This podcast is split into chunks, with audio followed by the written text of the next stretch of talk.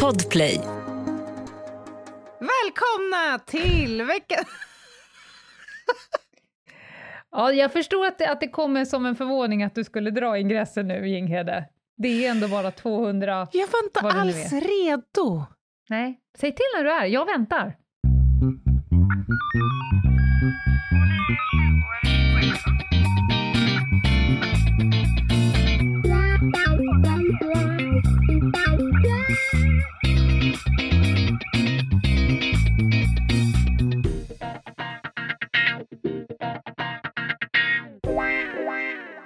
Välkomna till veckans spaning med Anna Jinghede, Lena Ljungdahl och Meta Broddare. Det var så himla länge sedan jag såg dig, Anna. Ja, Det känns tryggt att se din, ditt plyte igen. jag säger detsamma. Det var flera minuter sedan. Ja, det är som att man aldrig blir av med varandra riktigt. Man tror Nej. när man skiljs åt på eh, perrongen, Mm. perrongen, eller vad Mm. Kallar vi det? Ja, perrongen Ja, som det heter. Mm.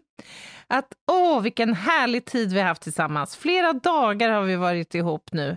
Nu kommer Mm. det dröja till nästa gång. Nej, det, Nej. det, det blir inte någon latens riktigt, utan det är på't, på't igen. Men också tryggt. Mycket. Vi har ju varit i drömmen. Vi har ju varit eh, inlåsta i en bubbla och i den har vi haft med oss unicorns bubbel Mm. och Trygghet. ja, eh, vi har varit på Ellery Beach, vi är absolut inte sponsrade, men det var så jävla fantastiskt. Ja, det är absolut, de är absolut värda att omnämnas. Jag har Mm. sällan varit på ett sånt ställe där man har känt sig nöjd med prick allt. Det händer inte ofta. Det gör det inte. Och vi var där för att vi hade eh, ett... Du hade väl med dig någon form av 43-sidigt Excel-dokument med en to-do-list. Det var bok, Ja. det var livepodd, Mm. det var eh, sponsorsamarbeten, det var eh, framtidsplaner och Mm. bakskärtsplaner och, och fan och hans moster.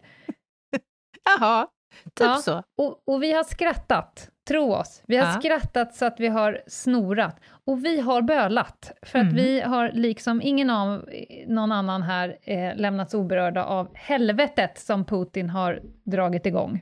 Precis. Ja, men det har ju varit på så vis en väldigt märklig helg. Man Mm. har känt sig konstant gans, ganska skör. Eller man, jag har känt mig skör. Mm. Alltså som att i den här härliga, trygga, ombonade världen så är jag safe, men utanför så pågår det liksom något fasansfullt. Lite så. Och du vet inte hur länge du är safe. Exakt. Det är en jobbig känsla. Och jag såg en sån uh, magkörare här, att det enda som skiljer dig och en flykting är tur. Ja, men det är ju den som krassa du inte sanningen. är förtjänt av. Ja, men exakt. Ja. Nåväl, vi har haft det bra, vi är laddade, vi har hunnit mycket mer vad vi tänkte. Vi ligger för, kanske för första gången i vårt tvåårsförhållande före i schema. Ja, eller i vart fall i fas.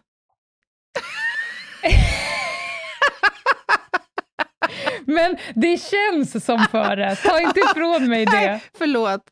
Förlåt, jag ska inte vara en partypooper. Kniven är ett par centimeter ifrån strupen och det är allt jag begär. Jag kommer aldrig spänna bågen mer än så. Nej, nej, det är fullt tillräckligt. Ja. Och vi är redo för en spaning. Ja, och Meta är kvar bort i Thailand. Mm. och har hanterat sina känslor där borta. Men vi är glada att hon eh, ändå har vispat in en spaning. Och Mycket. den kommer här.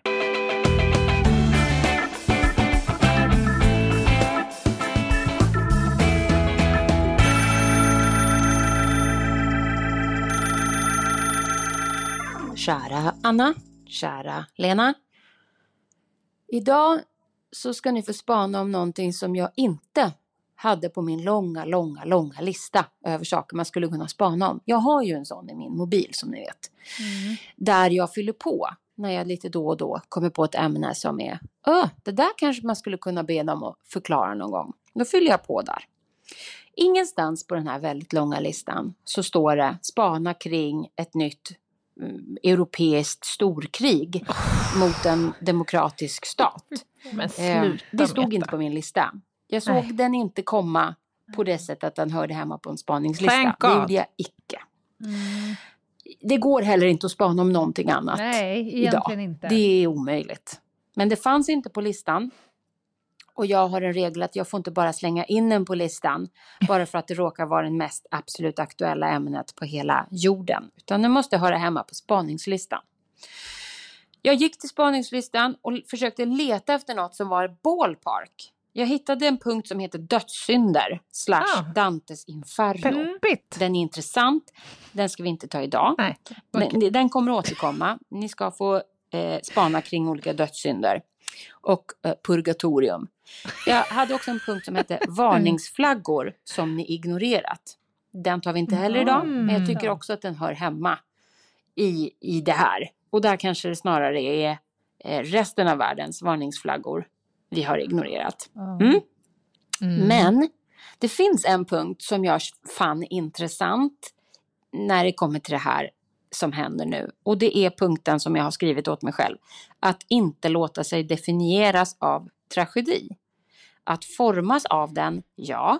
Att definieras av den, nej. Så ja, Anna, det stämmer. Det är en filosofisk spaning. Och så lycklig du ser Ni ut. ska få, få definiera åt mig vad jag menar med att inte låta sig definieras Mm. av tragedi. Att formas av den, ja. Att definieras av den, nej. Vad betyder det för er?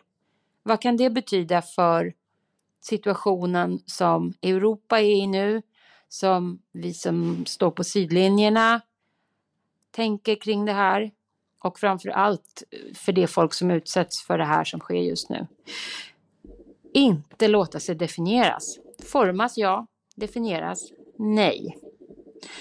Ge mig ert allt på temat filosofisk tragedi. Mm. Puss och kram. Hej då. Mm. Puss och kram, Anna. Puss puss, hej då. Happy. Nej men alltså, ja. Oj.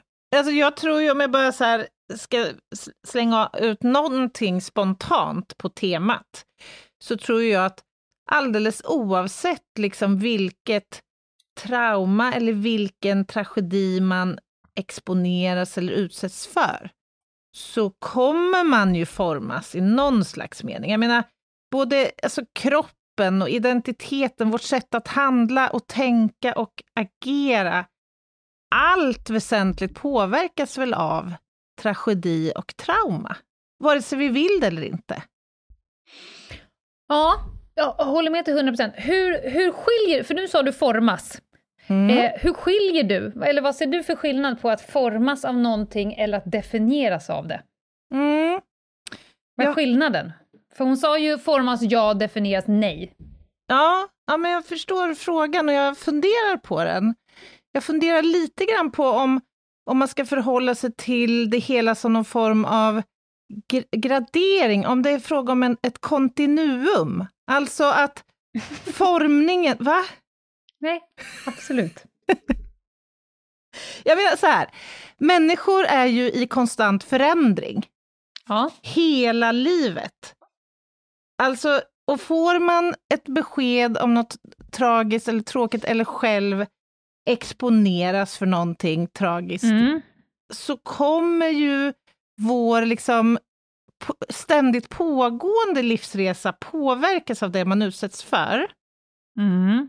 Och framförallt upplevelserna av tragedin och de förändringar som det, de upplevelserna liksom medför. Och då tänker jag så här, att man formas av det sker på något sätt före man definieras av traumat eller tragedin. Det är därför jag frågar mig själv, är det fråga om ett kontinuum? Sker en formning, en anpassning till tragedin före man låter sig definieras av den, om det nu är fråga om någon form av medveten strategi. Får jag ge ett skeende. exempel? Mm. Jag som har på rätt mycket med incidenthantering, Mm. både på privat och organisatorisk nivå, Mm.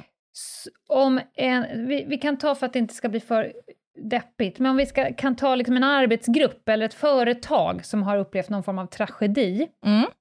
så är det en stor skillnad att ha formats av det. Det är såklart att om man blir påverkad, man formas, man behöver få älta, eh, man behöver se över, utvärdera, planera, se framåt, man gör om.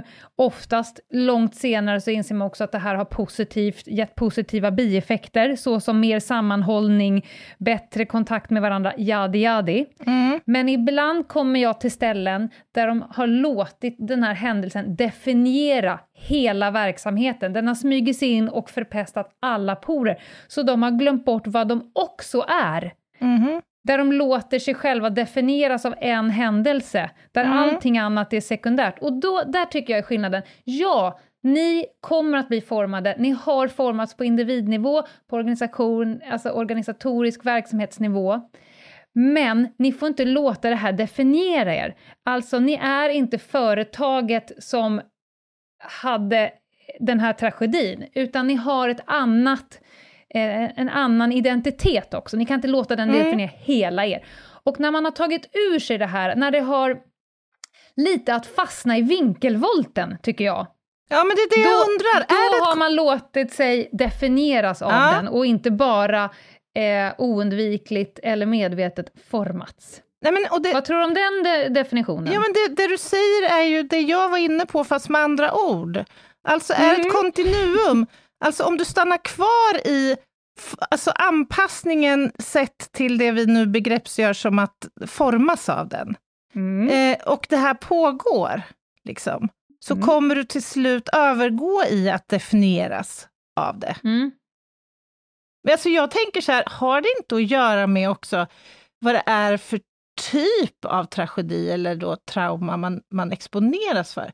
Jag tänker så här, dels vad vi själva definierar vara en tragedi och det har ju att göra med vilka personella resurser eh, vi har med oss. Alltså livshändelser är ju olika svåra för olika eh, människor. Och jag tänker också hur man tar sig igenom en sån händelse och hur man på sikt förhåller sig till den, det beror ju på en massa saker. Alltså en Mhm. obearbetad svår händelse till exempel, kan ju dröja sig kvar rent psykologiskt, medicinskt, socialt. Om man säger Mhm. så. Och hur omvärlden förhåller sig till att du har utsatts för en tragedi är en annan faktor som jag tror spelar roll.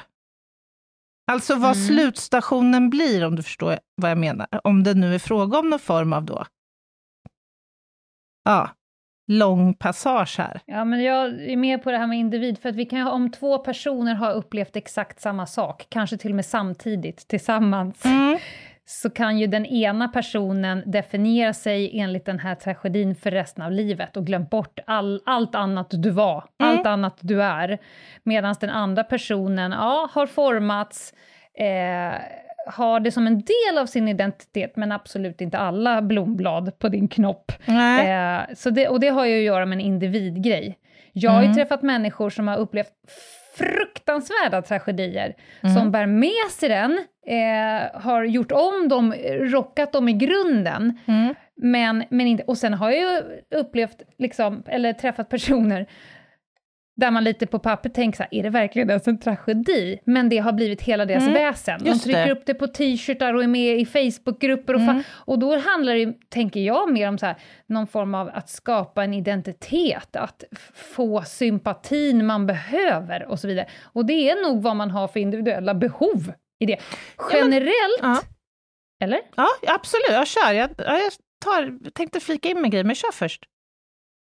Eh, nej men generellt så är ju vi, de allra flesta av oss, rätt allergiska att bli inplacerade i fack. Alltså, jag vill inte att någon annan definierar mig utifrån vad jag själv har upplevt. Jag, jag är allergisk, eh, de- de allra flesta är allergiska att få etikett på sig.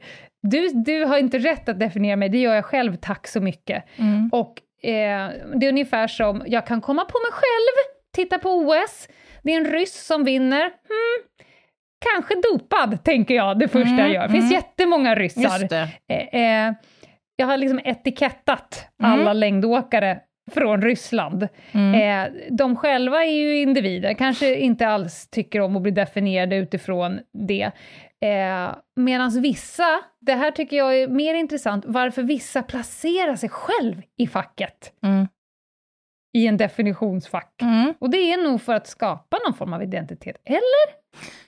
Men jag tänker också att vissa så här, alltså att bli placerad i ett fack kan ju innebära eller medföra vissa fördelar. Missförstå mig Mm. rätt här nu. Alltså det är ju känt att, om vi tar exemplet kronisk sjukdom. Det är ju Mm. känt att trauma, så som till exempel, tänker jag, ett besked om en kronisk sjukdom, liksom förmår att omforma och påverka både liksom kropp och, och hjärna. Mm. Och för, till och med försämra förmågan att känna glädje och eh, att livet känns härligt. Alltså kronisk Men du smärta. kan ta mig som exempel här. Jag har ju en Ja. kronisk sjukdom. Ja, precis. Jag, jag går inte ut och, och skriker det att jag, Lena, eh, lymfsystrarna. Alltså, Nej, nej, det gör det ju inte. Men jag tror det men finns vissa för- kanske hade gjort det. Ja, och det var det jag tänkte jag skulle ge mig på ett försök att förklara mekanismerna bakom. För att det, det är känt att till exempel kroniska smärttillstånd är starkt förknippat med depression, psykisk ohälsa och, och problem. Och det här kommer ju då att påverka hur vi fungerar i, i relation med andra. Alltså, och det här i förlängningen kan innebära att den sociala sfären krymper. Man kanske inte längre orkar vara social, upprätthålla ett socialt liksom, Mm. när, närhet. Smärta kommer att uppta ens, en livssfär, ekonomin påverkas och allt det här. Och till slut så riskerar ju då ens ursprungliga identitet kanske att påverkas. Eh, och för vissa så innebär ju den här lite, om man får vara lite, för det här är närbesläktat med lite offermentalitet kan jag känna. I vissa Mm. fall. Mm.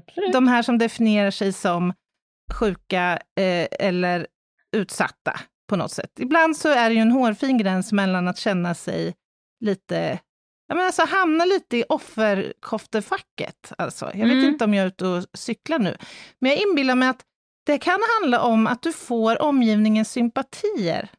Att ge uttryck Och för... Den behöver vi ju ibland. Absolut! Alltså att det kan Ja. finnas framgångsfaktorer i att faktiskt också uppmärksamma omvärlden om att, hur du definierar dig som utsatt för något, eller för någon, eller för en sjukdom, eller en smärta, eller vad det nu kan vara. Alltså det kanske är en identitet du har svårt att backa tillbaka från när du väl har hamnat där, när du liksom definierar dig utifrån... Och, och också graden hur mycket det tar upp din vardag. Om du Ja. blir konstant påmind om dina egna eh, krämpor så är det ju förmodligen lättare än om de fladdrar förbi lite, lite försiktigt. Ja, men Men jag tänker ja. också att det är väldigt lätt att definiera andra. Det kan jag själv komma på, om vi ska vara lite eh, ödmjuka. Jag har ju flera eh, poliskollegor som tragiskt nog har, har deras eh, barn har dött Mm. av olika sjukdomar, mer eller mindre nära mig. Och då kan jag komma på mig själv att jag definierar, till exempel mamma som jag vet, då definierar jag henne så här, gud det är hon som har förlorat sin dotter. Väldigt Mm. tragiskt. Mm. Kände också dot- jag kände också dottern. Alltså, det blir min topp ett-etikett på Mm, henne, mm. för att jag kan inte själv ens överhuvudtaget närma mig tanken utan att typ dö själsligt. Mm. Och då blir det så här, åh gud, det är hon som överlever, alltså hur fan Mm. står och går hon? Medan hon själv, hon har, hon har formats in i alltså varenda cell. Hon Mm. har åldrats, formats, bytt liv. Men hon är så jävla mycket mer Mm. än hon som överlevde när dottern dog. Mm. Det, det är nog också nivån av förståelse, för jag kan inte förstå, jag kan inte ens greppa det. Nej. Men hon låter sig icke definieras, det kan jag säga. Men Det- finns, finns det någon motsättning i, alltså kan man inte definiera sig som förintelseöverlevare eller barnlös eller tidigare cancerpatient, men ändå bibehålla tillräckligt mycket av din ursprungsidentitet så att det här inte behöver nödvändigtvis innebära att det är allt du är? Men det är nog bara en lek med ord. Alltså, jag tror att med, det Meta menar är nog att om man har definierat, om man definierar sig som någonting, För det, hon säger ju uttryckligen nej till det, men formas ja. Om du definierar någonting, du, du menar på att man kan lite definiera sig men ändå Ja. ha kvar sin ursprungsidentitet. Ja, det är nog, då lägger du nog kanske bara in en annan eh, ehm, eh, för, för, vad säger man, förklaring på ordet att Mm. definiera sig någon sån. Mm. Jag kan ju definiera mig själv som hungrig nu, det är inte så farligt. Nej? Min hunger formar mig, jag definierar mig som hungrig. Ja, men jag menar det att det finns kanske ja. ingen motsättning i de två. Ja, det att- beror nog på vad man lägger i orden. Ja. Om, om man menar på att, att du låter detta definiera dig, då, då, då är det liksom... Jag, jag hörde när hon spanade som att hon la det som en, som en negativ sak. Mm. Mm, ja, men det, precis. Och då finns det ju en motsötning. Men om man inte lägger liksom att, ja, men att låta sig definieras lite av det, det är väl inte så farligt. Nej, men då är det inte heller liksom det slutgiltiga nederlaget heller. Nej, nej, nej, jag förstår. Ett poddtips från Podplay. I fallen jag aldrig glömmer djupdyker Hasse Aro i arbetet bakom några av Sveriges mest uppseendeväckande brottsutredningar. Går vi in med hemlig telefonavlyssning och, och då upplever vi att vi får en total förändring av hans beteende. Vad är det som händer nu? Vem är det som läcker? Och så säger han att jag är kriminell, jag har varit kriminell i hela mitt liv men att mörda ett barn, där går min gräns. Nya säsongen av Fallen jag aldrig glömmer på Podplay. Och så vill hon göra kopplingen till det som händer nu då i världen, kriget. Alltså hur, för det bad hon ju faktiskt om, även om det är jävligt svårt. Alltså hur ska vi tänka nu för de som drabbas? Kommer de för evigt och alltid vara definierade av det här? Formade, det behöver vi inte ens diskutera. Det kommer de att vara. Det kommer vi alla vara. Vi har Ja. redan nu börjat googla på skyddsrum. Det är väl ganska givet, och frågan är då om de kommer definiera sig som överlevare av krig, egentligen, Mm. om man ska hårdra det. Jag tänker så här, kommer du ihåg terrorattacken Mm. på Drottninggatan? Ja. Då var det väldigt mycket etiketter på Sverige. Mm.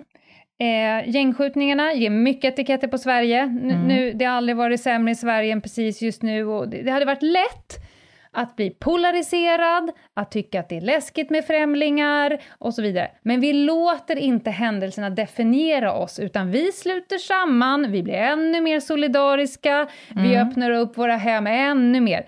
Då har man ju inte låtit ens identitet, och i det här är det ju en landsidentitet, Mm. inte låta sig definieras av vad som händer eller vad andra människor tycker, utan vi Nej. står kvar i identiteten och inte låter oss eh, definieras av Mm. händelsen. Mm. Jävligt svårt. Plocka på lite känslor, att inte låta sig... Det, det är liksom, om någon skulle skriva i tidningen att Anna Jinghede är, Mm. är, inte bara kanske, utan hon är, och sen är det någon, någon etikett som du tycker riktigt illa. Missvisande, illa, osanning, allt emot vad du står för. Då har vi en enorm stark drivkraft i oss att vilja dementera. Mm. Att vilja göra rätt för oss, att vilja förklara, dementera, ge sin sak. Och det här är ju många journalister som använder sig av, jag ser att du har sett, vill du inte ge din del av storyn? Vill du Mm, inte? mm. För nu är du definierad. Mm. Det vill vi inte bli. Men handlar det om acceptans, tror du? Alltså om man för Mhm. ett konstant krig mot sitt öde, det vill säga det man då har upplevt och erfarit. Är det, alltså är det inte lätt att övergå i att definiera sig som sjuk eller som överlevare av krig eller cancer eller vad det nu än må vara, om man inte kan acceptera det öde man faktiskt fick, eller det, den erfarenhet man fick. Alltså om man är förbannad på att man drabbades av cancer, eh, så kan ju det här, eller man lever med det obehandlade traumat, så tänker jag Man att... fastnar, men kan- då är vi att tillbaka man i att fastnar, fastna i ja. ja, Men att- då har vi fastnat i Att vinkelbåten. man måste acceptera att det här drabbade mig, Mm. och ta hjälp att liksom komma vidare. För, för ju mer jag tänker på det, desto oftare, de, de i min närhet där jag ser att man just har fastnat och övergått då i att definiera sig utifrån Mm. omständigheterna, så handlar Mm. det många gånger om att man inte har accepterat det här som drabbade mig. Mm.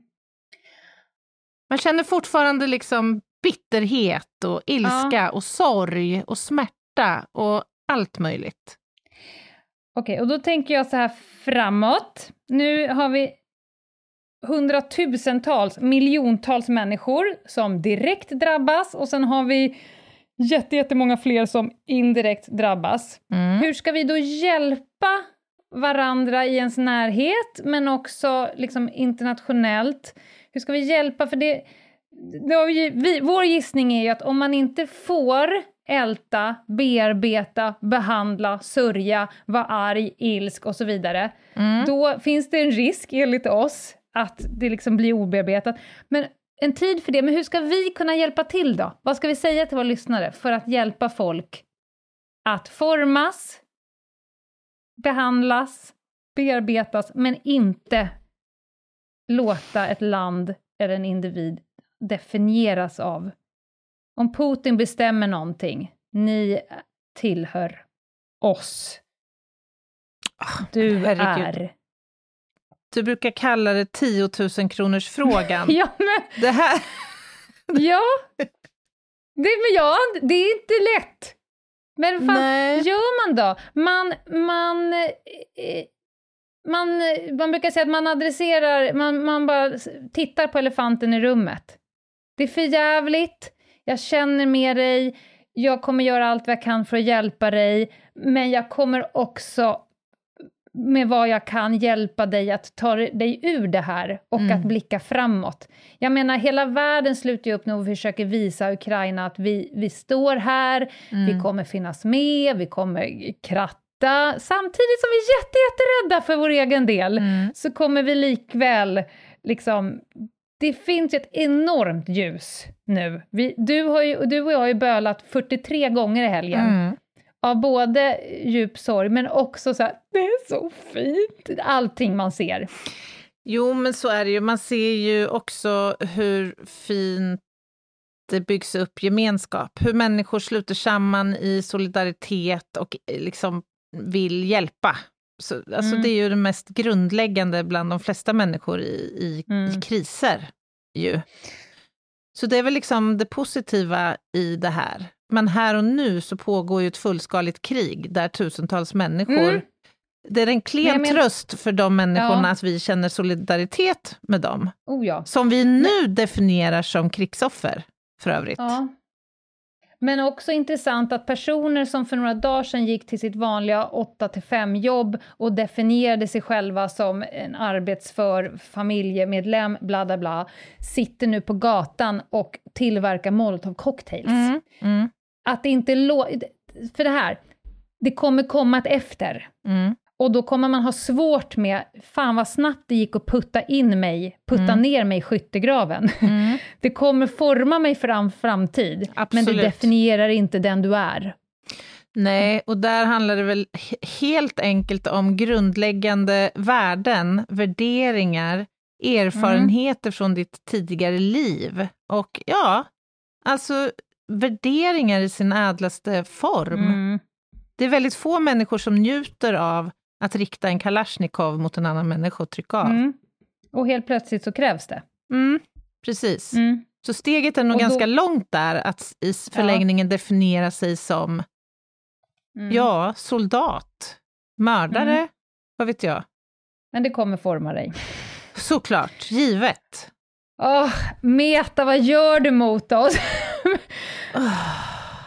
Okej, Mm. vi... Eh, Om någon förstod någonting av den här spaningen, och om det hjälpte någon, så är jag otroligt förvånad. Men det kanske inte är så att vi behöver leverera svar. Hon har, hon har bett oss spana kring någonting. Ja. Vi har nu eh, vevat kring det här ämnet och det är oerhört svårt. Ja, Men, otroligt svårt. men eh, ja, var försiktig med att placera varandra i fack. Ja, Och var, för, och var försiktig med att placera dig själv i ett fack, för det kan vara jävligt svårt att ta sig därifrån. Vi kan väl inte landa där? När du väl har Gärna. hamnat i det där facket så då kan du kanske till och med behöva hjälp. jag, men jag är inte så säker på att alla ens som, som har Vill. placerat sig i det där facket precis vill.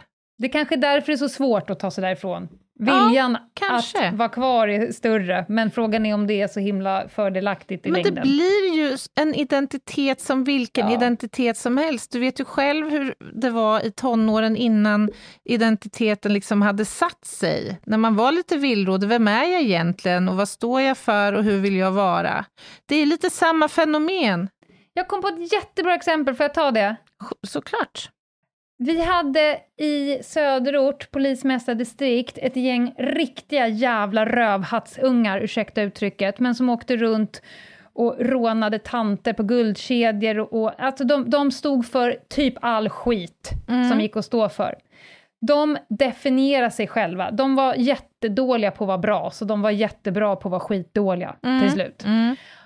Och de hade placerat sig i ett fack och alla bekräftade det och sådär. Sen så hände det en grej eh, var på de var på rätt plats vid rätt tillfälle och gjorde en jättegod gärning. Jag ska inte prata för mycket om det här, men de gjorde en jättegod gärning. Mm. Och fick då stå och ta medalj ur polismästarens hand, Mm. eh, civilkuragepris och så vidare och så vidare.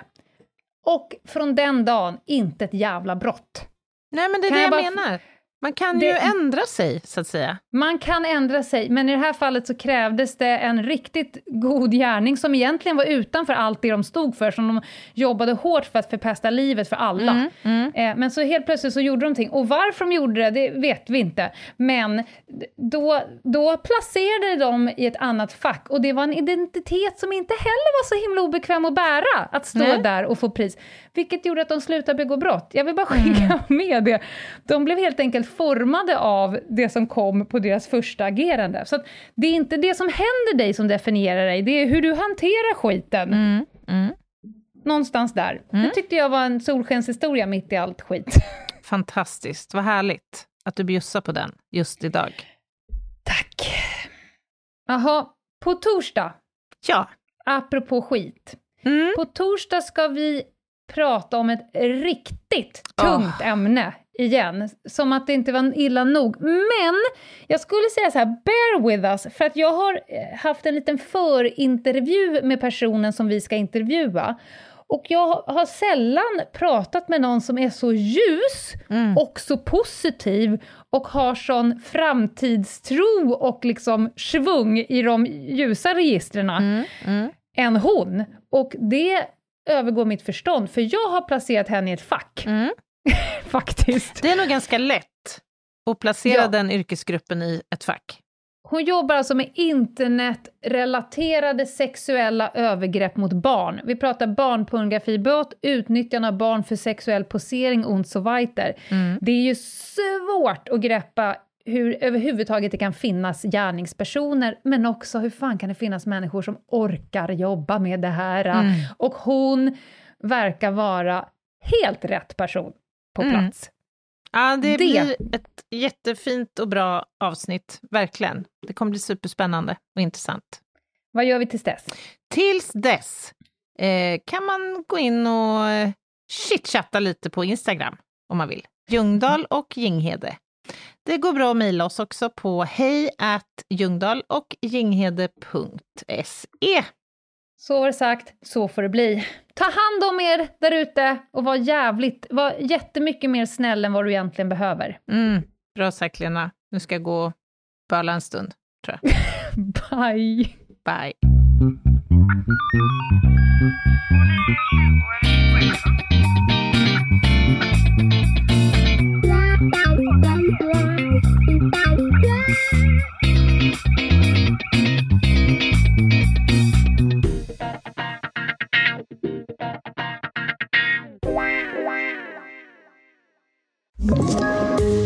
Poddtips från Podplay.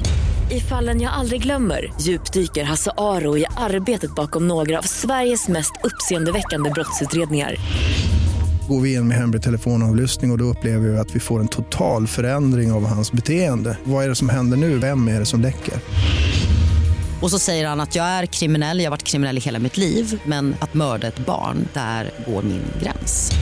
Nya säsongen av Fallen jag aldrig glömmer på Podplay.